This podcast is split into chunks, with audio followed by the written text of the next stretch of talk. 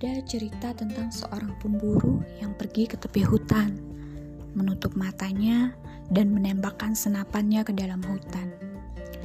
Dia lalu menoleh ke arah temannya dan berkata, "Aku berharap sesuatu yang baik terjadi." Begitulah caranya banyak orang menjalani hidup mereka. Mereka memasrahkan diri pada kehidupan seperti seekor anjing yang mengejar-ngejar mobil yang lewat jarang sekali menangkap sesuatu. Kebanyakan orang menjalani hidup mereka tanpa tujuan, dengan melakukan sebaik yang mereka mampu dan hanya berharap sesuatu yang baik akan terjadi pada mereka. Tapi harapan bukanlah sebuah strategi. Itu kunci kegagalan kalau tidak bisa disebut malapetaka. Agar kita dapat memaksimalkan waktu, menikmati kuantitas dan kualitas terbaik dari kekayaan dan pendapatan, kita perlu meluangkan waktu secara teratur untuk memikirkan tujuan-tujuan kita, terutama ketika kita mengalami kekacauan dan perubahan cepat. Kita perlu benar-benar berorientasi pada tujuan, menetapkan tujuan, membuat rencana, dan mengatur hidup di seputar hal-hal yang sungguh-sungguh ingin kita lakukan dan kita miliki ini adalah alat manajemen waktu yang terbaik. Penetapan tujuan dan perencanaan strategis personal mengharuskan kita untuk mundur dan beristirahat sejenak, jauh dari gangguan dan pengalihan pikiran. Lalu, kita perlu menjawab beberapa pertanyaan pokok untuk memastikan bahwa apa yang sedang kita kerjakan sedang sesuai dengan kepribadian kita di dalam diri dan sejalan dengan apa yang sebenarnya ingin kita raih.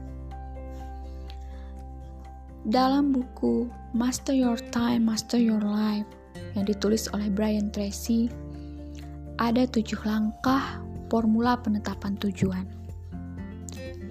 Aku harap rangkuman yang aku tulis ini berguna untuk kamu.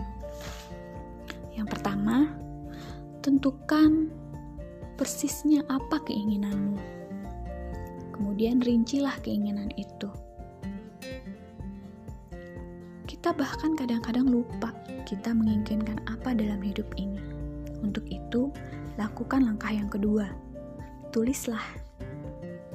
Tulislah tujuan-tujuan kita dan jangan lupa tujuan itu harus terukur. Kalau tujuan kita misalnya ingin kaya, maka ukurannya tentu saja finansial ya kita tulis dengan jelas ukuran kekayaan yang kita inginkan itu seperti apa. Kita tidak bisa hanya menulis satu kata bahagia, karena bahagia terlalu abstrak. Kita perlu tulis secara konkret apa ukuran bahagia menurut kita. Langkah yang ketiga, tetapkan tenggat waktu. Tentukan persisnya kapan kita ingin menggapai tujuan tersebut. Baik itu tujuan tahunan, bulanan, mingguan, bahkan harian. Bahkan kalau kita sudah bagus melakukan perencanaan, kita punya target-target 5 tahun ke depan, 10 tahun ke depan, dan sekian tahun ke depan.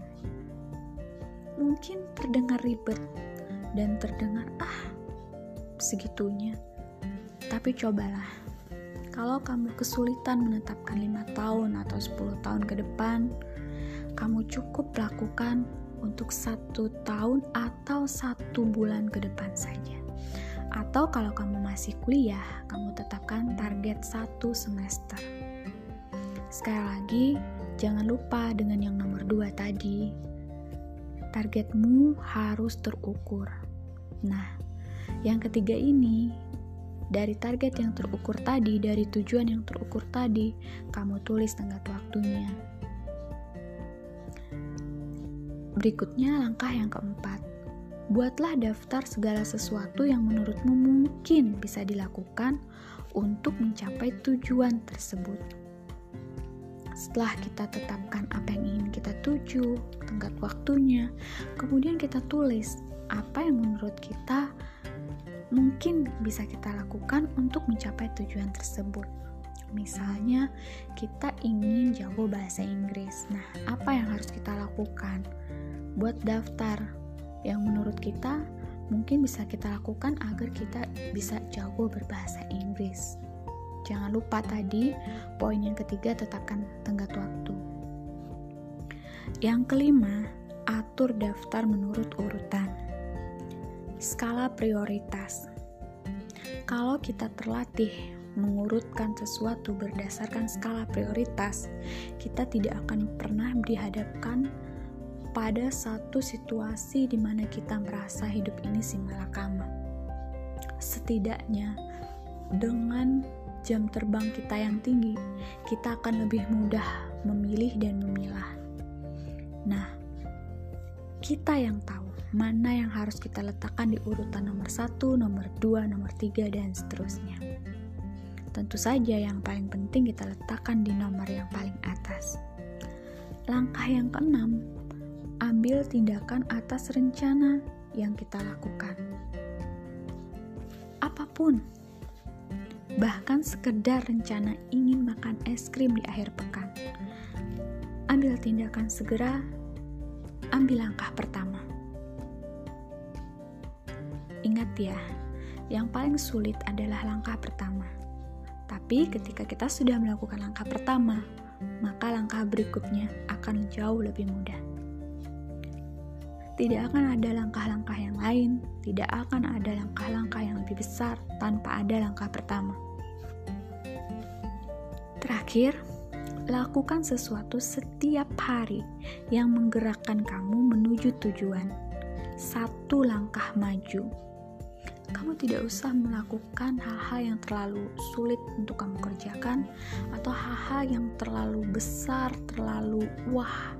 Kamu cukup sat lakukan satu langkah saja untuk mendekatkan kamu kepada tujuan-tujuan yang sudah kamu tulis yang ingin kamu capai. Sekecil apa pun langkah itu, yang jelas lakukan satu langkah maju setiap hari. Jangan biarkan kamu diam apalagi mundur. Nah, selamat mencoba.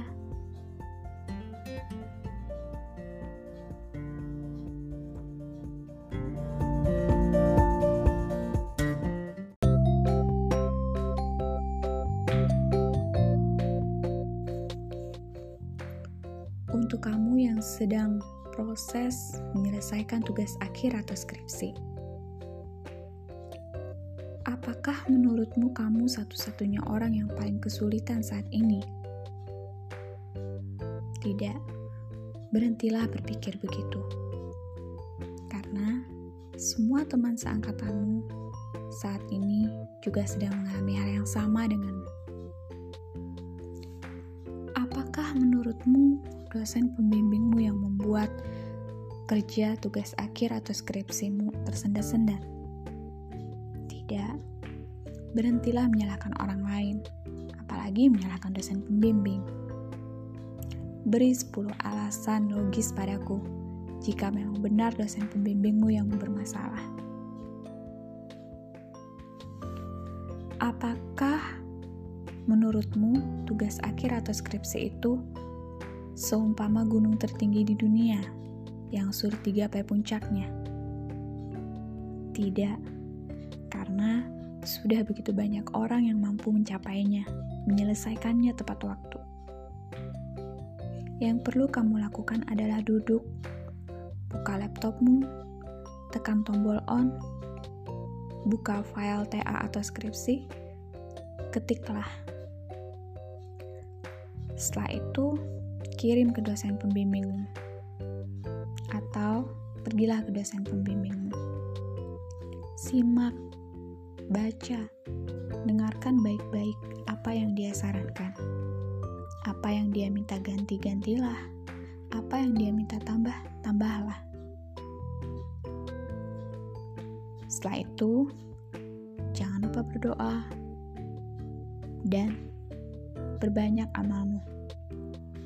Nah, beberapa saat kemudian, kamu akan tahu bahwa tugas akhir atau skripsi tidak sesulit yang kamu bayangkan.